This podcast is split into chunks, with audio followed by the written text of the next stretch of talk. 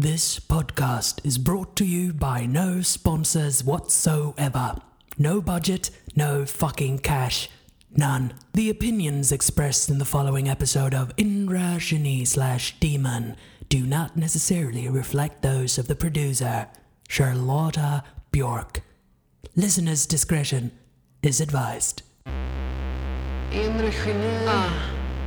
slash demon. Ah. Inre geni, så jävla smart.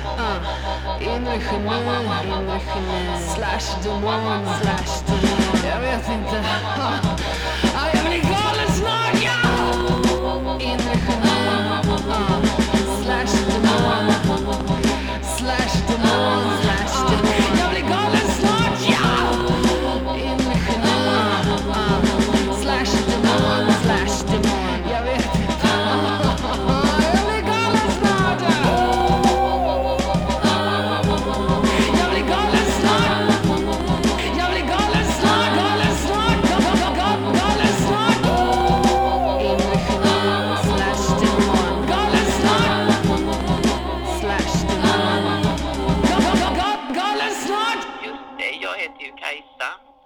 Jag är eh, mamma till Charlotta. Hon är ju mitt fjärde barn utav fem möjliga.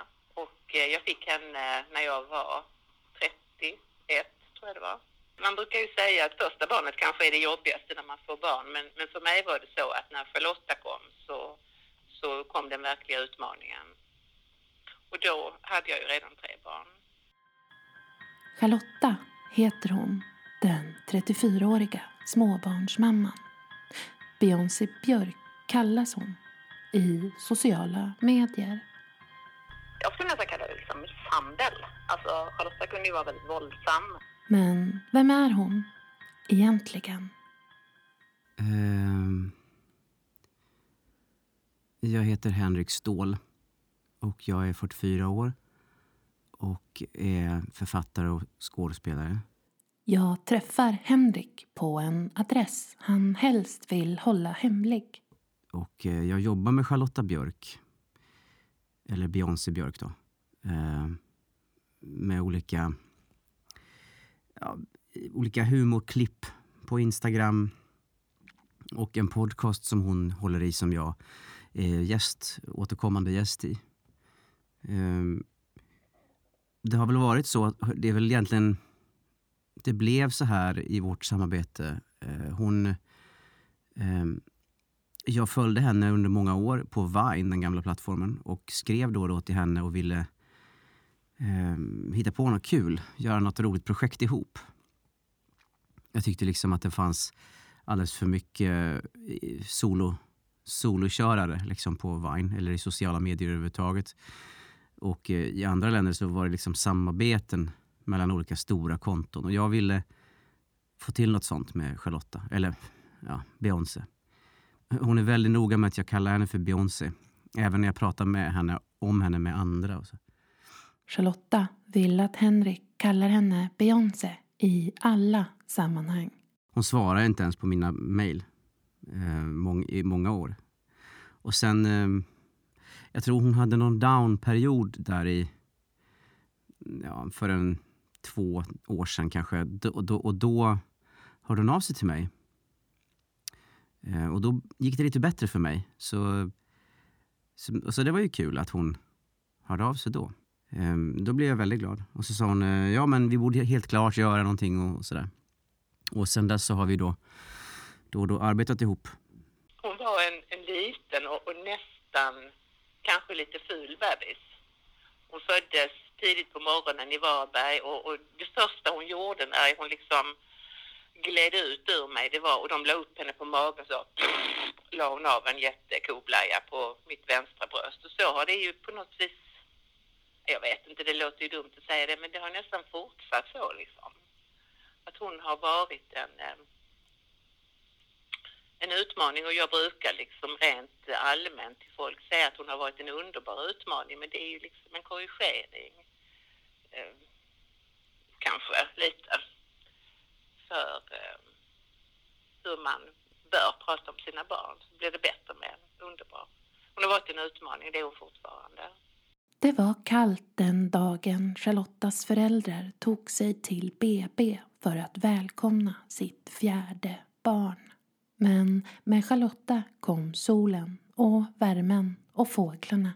Eh, det som jag tänker på direkt då det är ju att eh, hennes smeknamn som barn var Knoppen. Lovisa är Charlottas tre år äldre syster. Eh, eftersom hon gick runt i våran egentligen väldigt vackra trädgård i Halland och rev av knoppar från alla blommor innan de hann blomma. Den 6 maj 1985 föds Charlotta Karin Elisabeth Björk på lasarettet i Varberg. Jo, men Charlotta har väl egentligen alltid drivits av eh, en vilja att förstöra för precis alla andra. Eh, är någon annan glad så är inte Charlotta det. Liksom. Jag har träffat människor som vet vem Charlotta verkligen är. Jag har pratat med människor som kände henne från början. Innan hon blev hela Instagrams kändismamma och utnämnd till världens främsta geni. Jo, jag heter Klara Björk. Jag är ju eh, Charlotta Björks, eller Beyoncé Björk som hon så grandiost kallar sig. Eh, hennes lilla syster. Eh, så hon är ju min eh, så kallade stora syster då, om man vill. Ja, om man vill kalla det för det. Det kanske jag inte riktigt tycker att hon är alla dagar. Men eh, rent biologiskt har vi ju delat livmoder. Så att vi är väl syskon då. Jag kontaktar Charlottas yngre syster Klara över telefon. Klara är två år yngre än Charlotta och hon lever ett litet småbarnsliv i en förort till Stockholm och hon har många skrämmande minnen att berätta om. Herregud, jag vet inte var jag ska börja alltså.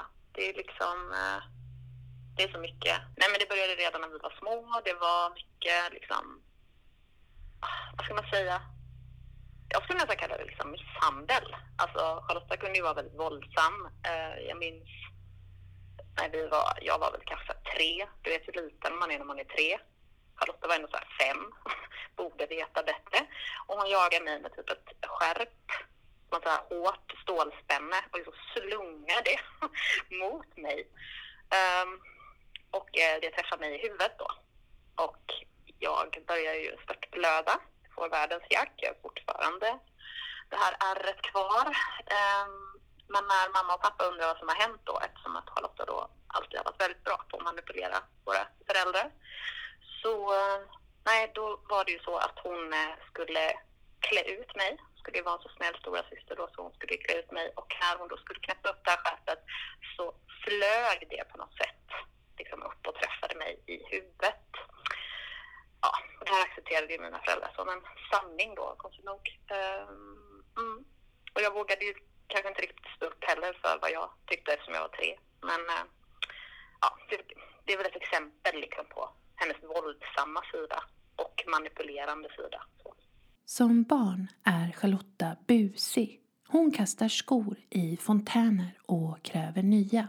Jag minns att hon, eh, alltså vi köpte ju oräkneliga skor till henne med små klackar för hon älskade att gå omkring och smattra med dem liksom.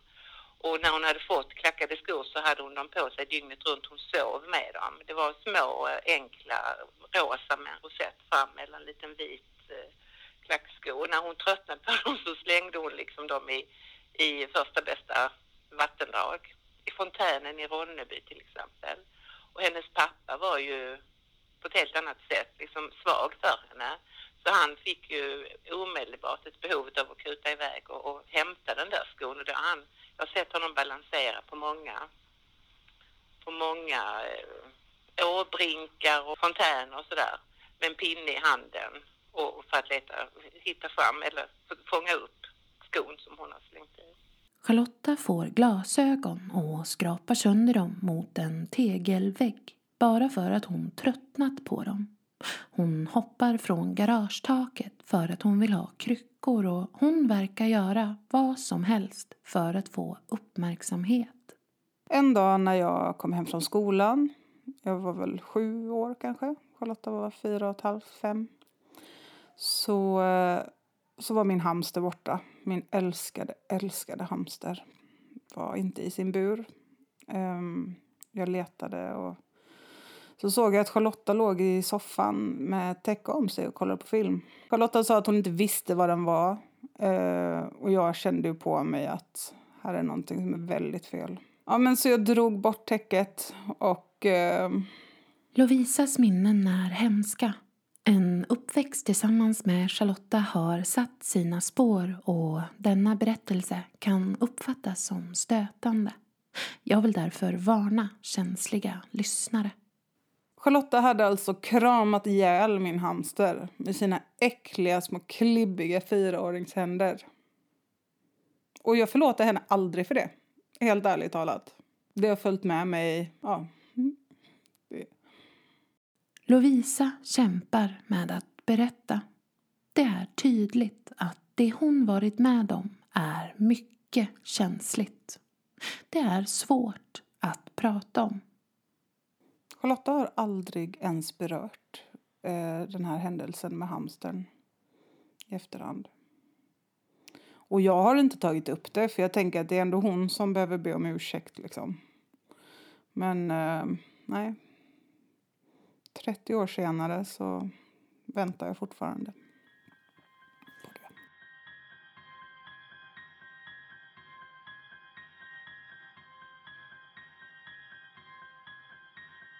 Det är ganska svårt att beskriva Charlotta, eh, förlåt, Beyoncé Björk. Hon är liksom... Om du tänker dig den mest skräckinjagande person du kan tänka dig, fast på gränsen till, hela tiden på gränsen till att fullständigt flippa. Alltså en, en, en hotfull, latent aggressiv människa som eh, ständigt är hårsmånen från att, att fullständigt kuka ur. När hon var 14 kommer jag ihåg att hon ringde till mig. Då bodde vi i familjen på lite olika ställen så hon, och hon sa så här att Nej, men jag, måste, jag måste prata med dig, jag måste berätta en sak för dig. Okej, okay, sa jag. Eh, jag måste träffa dig liksom för det här mamma, det här är lite grann eh, liksom allvarligt och du får inte bli arg. Hon, hon försäkrade sig om att jag inte skulle bli arg. Jag vet inte, det var väl någon form av manipulation i det också. Och jag tänkte så här att det här är kanske någonting. Hon kanske har börjat smygröka, hon har kanske hånglat med någon, hon har kanske, kanske druckit lite alkohol eller så. Men det var ju inte det, utan det hon hade gjort var ju att hon hade, hon hade helt enkelt varit på en kyrkogård och, och eh, förstört på, på gravarna och vält gravstenar. Och vad gör man liksom? Det kunde jag ju inte ens en gång tänka mig då när hon låg på mitt bröst och hade bajsat ner mig att det var det som skulle komma 14 år senare. Charlotta växer upp i en stor prästgård på landet i Halland tillsammans med fyra systrar, tre äldre och en yngre. Den stora prästfamiljen hörs och syns minst sagt i den lilla bygden och Charlotta är manipulativ redan då. Hennes mamma berättar om hur hon ser sina fem döttrar, en syskonskara, hårt hållna i Charlottas spindellika grepp. Hon är ju eh, nummer fyra i syskonskaran, så de är ju många. Ehm, hon har ju ofta kommit och berättat liksom för mig hur, hur eh, de andra syskonen har behandlat henne illa. Och jag har väl i, i stunden liksom trott på det. För att, men sen har jag, ju, har jag ju förstått att hon, hon håller ju den här eh, syskonskaran i ett, i ett verkligt grepp liksom och drar i de trådar hon behöver för att de ska framstå som att de beter sig eh, illa. Spindeln i det här nätet är ju ändå Charlotta. Det har jag ju förstått och det har jag förstått senare. Det är ju ingenting som man kanske som mamma vill, behöver tro och tänka. 1990, när Charlotta knappt fyllt fem, flyttar familjen till en liten ort i Småland. Pappa börjar i ny kyrka och mamma jobbar med flyktingsamordning på ortens kommunhus.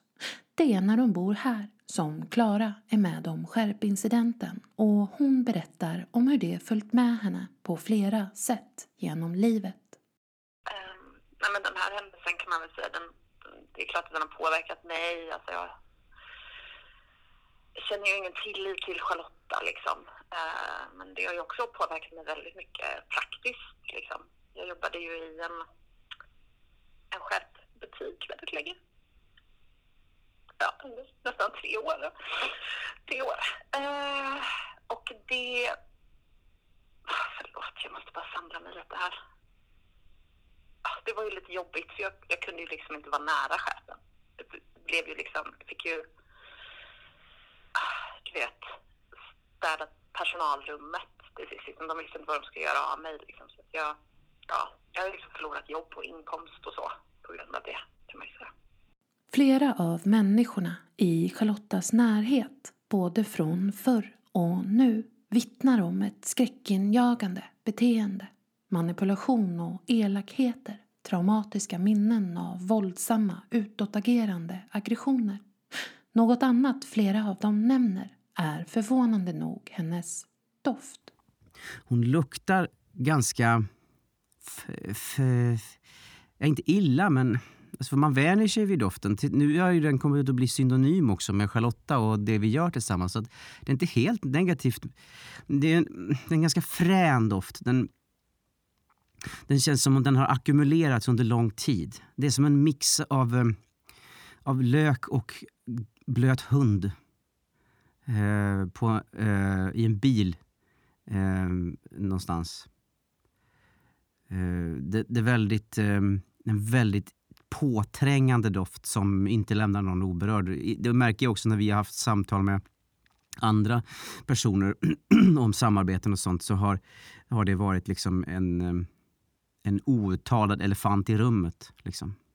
Nej, men det är dels att hon är självupptagen, eh, att hon inte är så rolig som hon själv tycker att hon är. Eh, och sen, men sen är det ju liksom det uppenbara att hon luktar skit. Alltså det, det har hon ju verkligen alltid gjort också. Det, är så här, det var verkligen elefanten i rummet hemma. Det var liksom så här, ingen fick prata om att Charlotta luktade illa, man får inte såra hennes känslor liksom. Men alltså det var så obvious. Liksom, det var bara inte trevligt att vara i närheten av henne. Liksom. Jag vet inte vad det är, om man har någon svampinfektion eller du vet. Hon skulle verkligen behöva ta tag i det. Alltså. Om jag ska beskriva Charlotta med tre ord så är det väl att hon är jävligt infernalisk egentligen. Man vet verkligen aldrig var man har henne utan hon kikar runt hörnet och kan liksom ligga flera steg före så att man blir lurad och duperad. Det är det ena. Det andra är att hon är ju jävligt förslagen. Det vill säga att hon kan driva igenom sin eh, idé och sin tanke och få oss att vara med på det. Eh, utan att vi egentligen vågar reflektera över vad det får för konsekvenser. Och dessutom så är det ju så att hon luktar ju inte gott. Hon luktar illa helt enkelt. Hon luktar illa. Hon luktar illa. De pratar om elefanten i rummet och jag försöker ta reda på om den ens finns. Jag hittar något som för länge sedan postats och glömts bort och jag inser att Charlotta kanske alltid försökt nå oss allihop angående denna illaluktande frustration. Som ju på något sätt kanske till och med är orsaken till all den smärta hon orsakat andra. Lukten i rummet blev plötsligt en annan. Den slog mig på käften. Jag tog mig för pannan. My Little Ponies och blomstrande äng, lipglas och hallon och himmelsäng.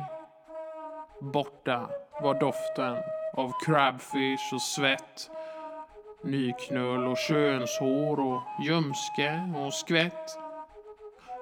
På dess förpackning, som aldrig förr fått mig brydd, fick jag nu läsa parfymerade skydd. Och jag var som i chock.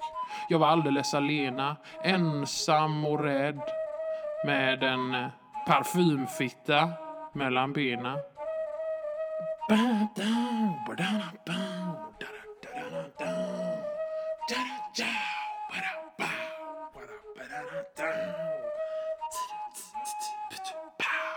En gång så, alltså jag bor i Stockholm, hon bor i Malmö då, men, men en gång så dök hon faktiskt upp här utanför huset.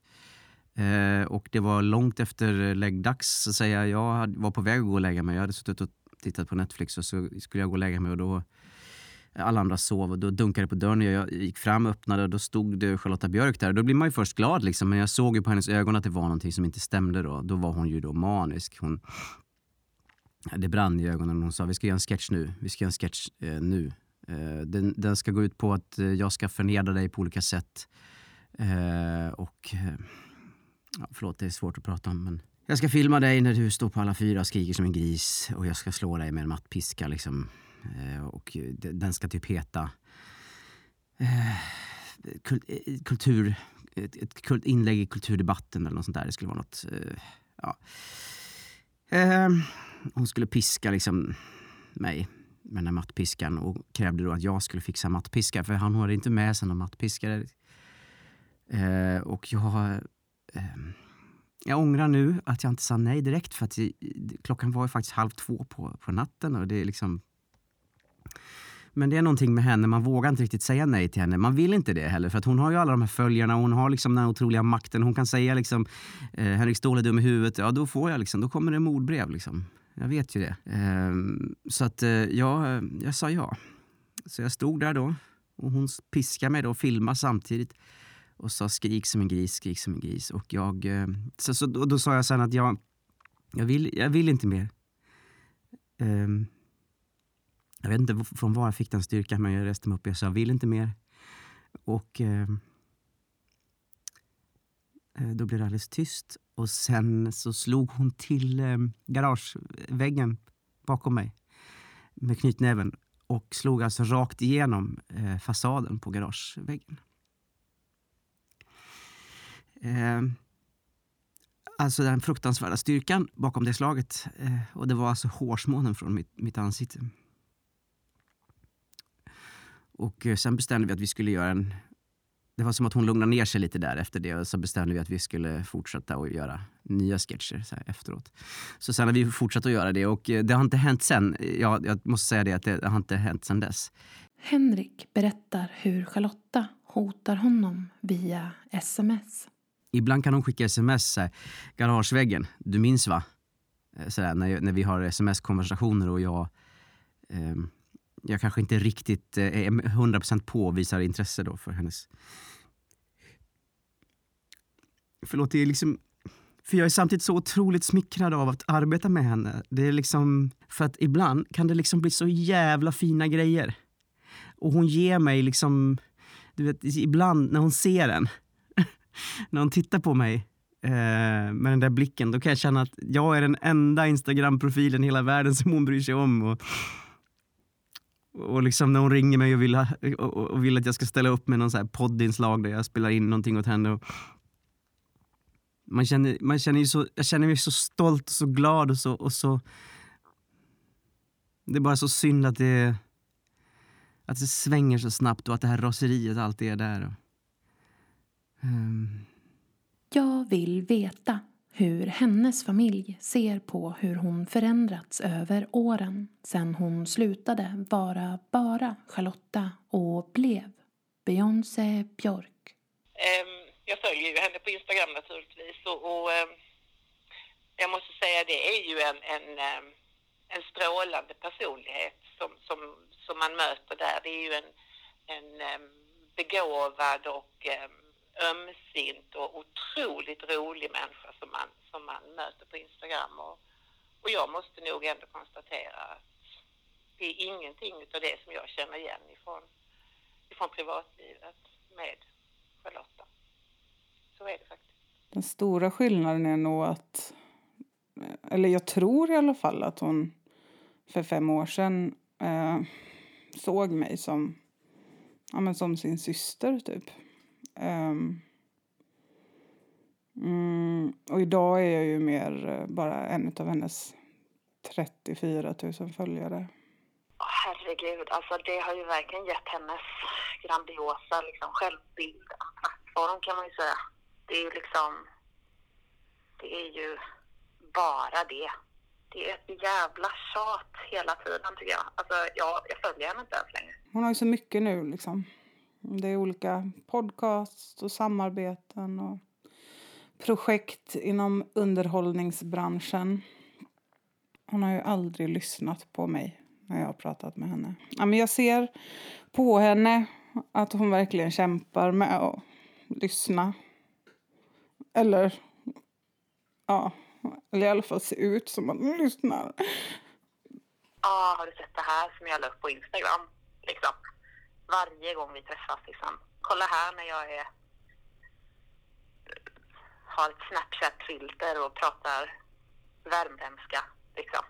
Ja, men kul liksom. Det är ju så här, min sambo förlorade jobbet, vi har ingen inkomst just nu. Jag är sjukskriven, kan vi liksom prata lite om det? Nej, då ska vi prata om jävla filter med någon förvrängd röst där hon gör någon konstig lista om vem som är snyggast i Hollywood. Jag kan också göra de klippen liksom. Charlotta går på dagis och hos dagmamma. Hon går i skolan, får kompisar och börjar så smått att prata småländska. I skolan byter hon bokmärken och hockeybilder och på rasten byter hon bästis flera gånger i veckan. När hon är 12 separerar hennes föräldrar. I högstadiet börjar hon röka. Hon stjäl pengar ur mammas och pappas plånböcker och hon umgås med punkare och drägg. Hon målar stora, svarta spindelnät på kinderna och hon blir mobbad. I gymnasiet börjar Charlotta knulla runt. Hon färgar håret knallrött och hon dricker White Russians på Kalmars billigaste uteställen. Ja, jag heter Klytta Mestra Blankeflo och jag gick i gymnasiet med Charlotta Björk. Klyta Mestra Blankeflo vill vara anonym. Eh, vi var inte så där jättenära vänner där, men hon hängde ju väldigt mycket ihop med, eh, med, min, med min dåvarande pojkvän då, eh, Pedrup. Och eh, han, ehm, han eh, och Charlotta var kompisar där. De hade känt varandra sedan eh, barnsben där. Men eh, jag fick intrycket av att det var på den nivån där att de var kompisar då. Och så var det så att då eh, var det någon fest där. Och eh, ja, då hade de ju sex med varandra. Det är eh, för mig eh, fortfarande okänt exakt eh, under vilka förutsättningar som det där gick till. Men det var Charlotta själv som berättade för mig för att Peter vågade inte då. Han var ju som en skamsen hund efteråt då. Strök omkring med, med svansen mellan benen där. Jo, Charlotta kom ju där på dagen där utanför där vi bodde grannar också. Där hon bodde ju bara två hus ner. Så kom hon ju där och så knackade hon på dörren då och så sa hon där att ja, jag har legat med upp. Vad säger du? sa jag då. Jo, vad är det som är så svårt att fatta? sa hon. Get real, något sånt där sa hon. Get real, get, grow some balls, något sånt där sa hon. Jag har legat med Peter, och det var skitdåligt. Jag fattar inte hur det står ut, sa hon. Och så, så gav hon mig en eh, halv pizza där hon hade köpt en pizza. Så, så gav hon mig halva. Hon hade tänkt ge mig hela men hon hade ätit upp i, ena halva på vägen. Och, så, och det är capricciosa så det gillar inte jag det. Ja det är ditt jävla problem sa hon och så slängde hon pizzan på, eh, på trappan och så gick hon. Och... Nej jag är ju gift med Peter idag men vi pratar inte så mycket om det där. Utan det är mest, eh, ja det har ju varit, det var vi var ju, det var ju länge sedan och så. Och det är klart, nu följer ju mina kusinbarn där, då följer ju de eh, Charlotta då på Instagram där. Det är klart, då känns det lite när jag tittar. Jag kom på Peder också och sitter och tittar på gluttar på hennes konto där. Och då sa jag ju, det vad fan gör du? Ska du titta på den där människan igen då? Hon var nära på att förstöra vårt liv där på då. Och alltså, vadå förstöra livet där? Och sen eh, låste han in sig i garaget med, med Ja, där har han ju sin Fanet då. Charlotta lämnar sargade själar längs livets väg och plötsligt är hon vuxen. Hon flyttar till Malmö, hon skaffar Instagram och hon skaffar barn. Hej, vem är du? Mm, jag är Sigge Lennartaj. Du är Sigge Lennartaj. Hur gammal är du då? Fem och ett halvt. Fem och ett halvt. Wow, så stor. Du, vem är Charlotta för dig? Min mamma och Ja. Hon är dum, hon är liksom taskig, hon är uppretande och Uppretande. sådär. Har hon gjort något hemskt någon gång? Ja, hon har slagit min pappa så hon svimmade. Va? Är det verkligen sant? Japp. Varmt välkommen till Klur och knas, ännu en omgång av frågesporten för den som kan. Med mig, Charlotta Björk. I tävlingen idag har vi en gäst och det är Marie Tillman. Varmt välkommen! Eh, tack. Hur känns det att vara här? Eh, ja, jag vet inte. Jag trodde liksom att det var en eh, intervju. Vi börjar med första frågan och den här veckans tema är Rederiet!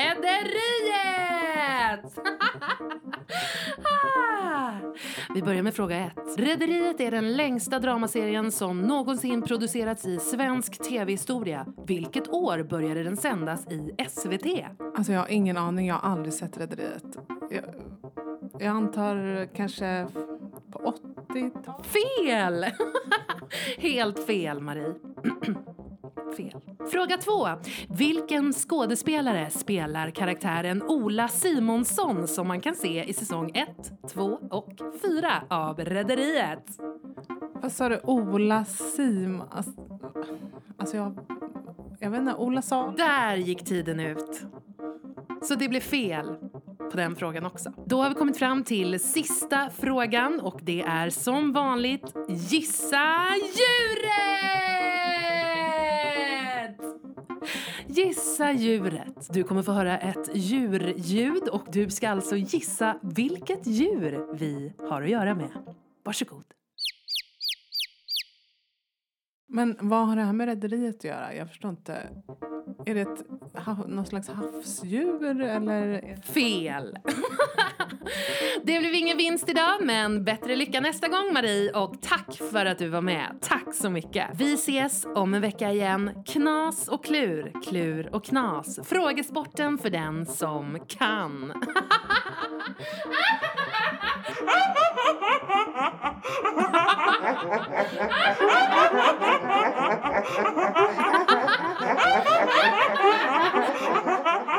Det är svårt att undgå Charlottas väldiga sadistiska sida. Här i ett av sina många humorprojekt, frågesportsprogrammet Klur och knas. Vi söker Marie Tillman för en kommentar men Marie väljer att avstå från att medverka i programmet. Det är flera som av olika skäl inte velat ställa upp i denna dokumentär. Pappan till Charlottas barn skriver i ett sms.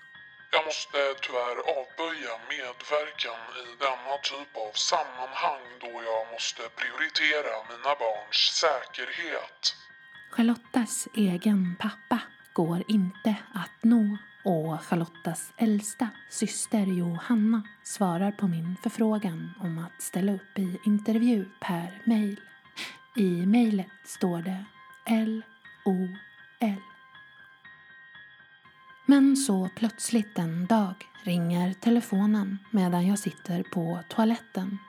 Jag brukar normalt ha telefonen med mig även när jag går på toa men just den här dagen har jag lagt den på laddning i köket.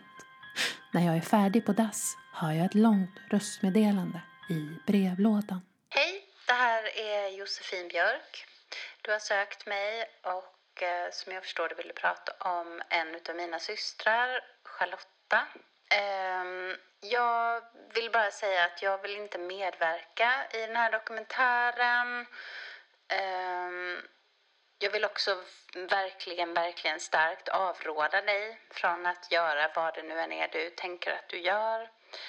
Ehm, du har ingen jävla aning om vad du står emot och för din skull, för dina barns skull, för din familjs skull så eh, skulle jag avråda dig ifrån att ens publicera det här. Charlotta är sjuk i huvudet, obviously. Eh, klassisk eh, psykopat skulle jag säga. Och ehm, En av de farligaste och elakaste människor jag någonsin har träffat. Ja. Du gör vad du vill med det här, men eh, som sagt, mitt tips till dig om du har livet kärt är att du lägger ner och att du inte publicerar det här. Snälla, gör inte det för din egen skull. Ta hand om dig och ja, herregud. Mm. Lycka till. Hej. Josefins meddelande skrämmer mig. Plötsligt faller poletten ner och jag inser hur pass farlig Charlotta faktiskt skulle kunna vara. Henrik är också rädd. Det märks. Nej, men jag vill helt klart eh, fortsätta jobba med henne och jag skulle aldrig ifrågasätta hennes beteende. Det är ju också så att personer som är geniala har ju ett väldigt eh, komplicerat mörker inom sig. Eh, och det kanske man måste ha om man ska nå så långt som Charlotta, eh, som, för, eh, förlåt, som, som Beyoncé Björk har gjort. Det är roligt för att en gång så, så, så hade hon, eh, så råkade jag kalla henne för Charlotta. Och eh, då eh, stoppade hon, då tog, tog hon tag i min, mina läppar och drog ut dem så att de liknade anknäbb. Och sen så klämde hon in dem under toalettlocket, på, alltså på en toalett. Och satte sig på toalettlocket och satt där med min mun fastklämd då, läpparna fastklämda eh, i nästan tio minuter. Och sen eh, efteråt så hängde de som en sån slapp eh, anknäbb. Och eh, så tog hon jättemånga bilder och eh, la upp på Instagram. Så jag kallar henne helst för Charlotta Björk. Nej, inte Charlotta. Så jag kallar henne helst för eh, Beyoncé Björk. Då. Charlotta är en strålande, ömsint, begåvad och rolig människa på sociala medier. Hennes fans och följare geniförklarar henne dagligen och de skickar henne gåvor och kärleksbrev med posten. Hon framställer sig själv som en person med stort rättspatos och hon verkar veta hur man bemöter människor med respekt. Jag bläddrar kommentarsfält upp och kommentarsfält ner och jag hittar hjärtan och lyckliga tillrop. Charlotta är sval och besvarar allt som oftast med hjärtan tillbaka. Den Charlotta jag fått träffa i och med arbetet med detta program är dock motsatsen. De som verkligen vet vem hon är har helt andra erfarenheter. Det går inte att hitta en enda hjärtemojis i någon av deras sms-chattar med henne och oftast låter hon sin mammas sms förbli obesvarade. Jag sörjer. Den Beyoncé Björk jag följt så länge har förvandlats till ett monster, en psykopat. Den feministiska ikon jag lyssnat till och beundrat finns inte. Så jag sörjer. Inte bara för mig själv. Jag sörjer för alla. Jag kände Charlotta innan Instagram och den här jäkla ikonstatus, cred, som hon själv i alla fall tycker att hon har. Eh, och eh, alltså, nej, jag köper det inte alltså. Jag köper det inte. Jag heter Slemma Slanke och du har hört verkligheten bakom Charlotta Beyoncé Björk. Tack för att du har lyssnat. Maybe I'm crazy.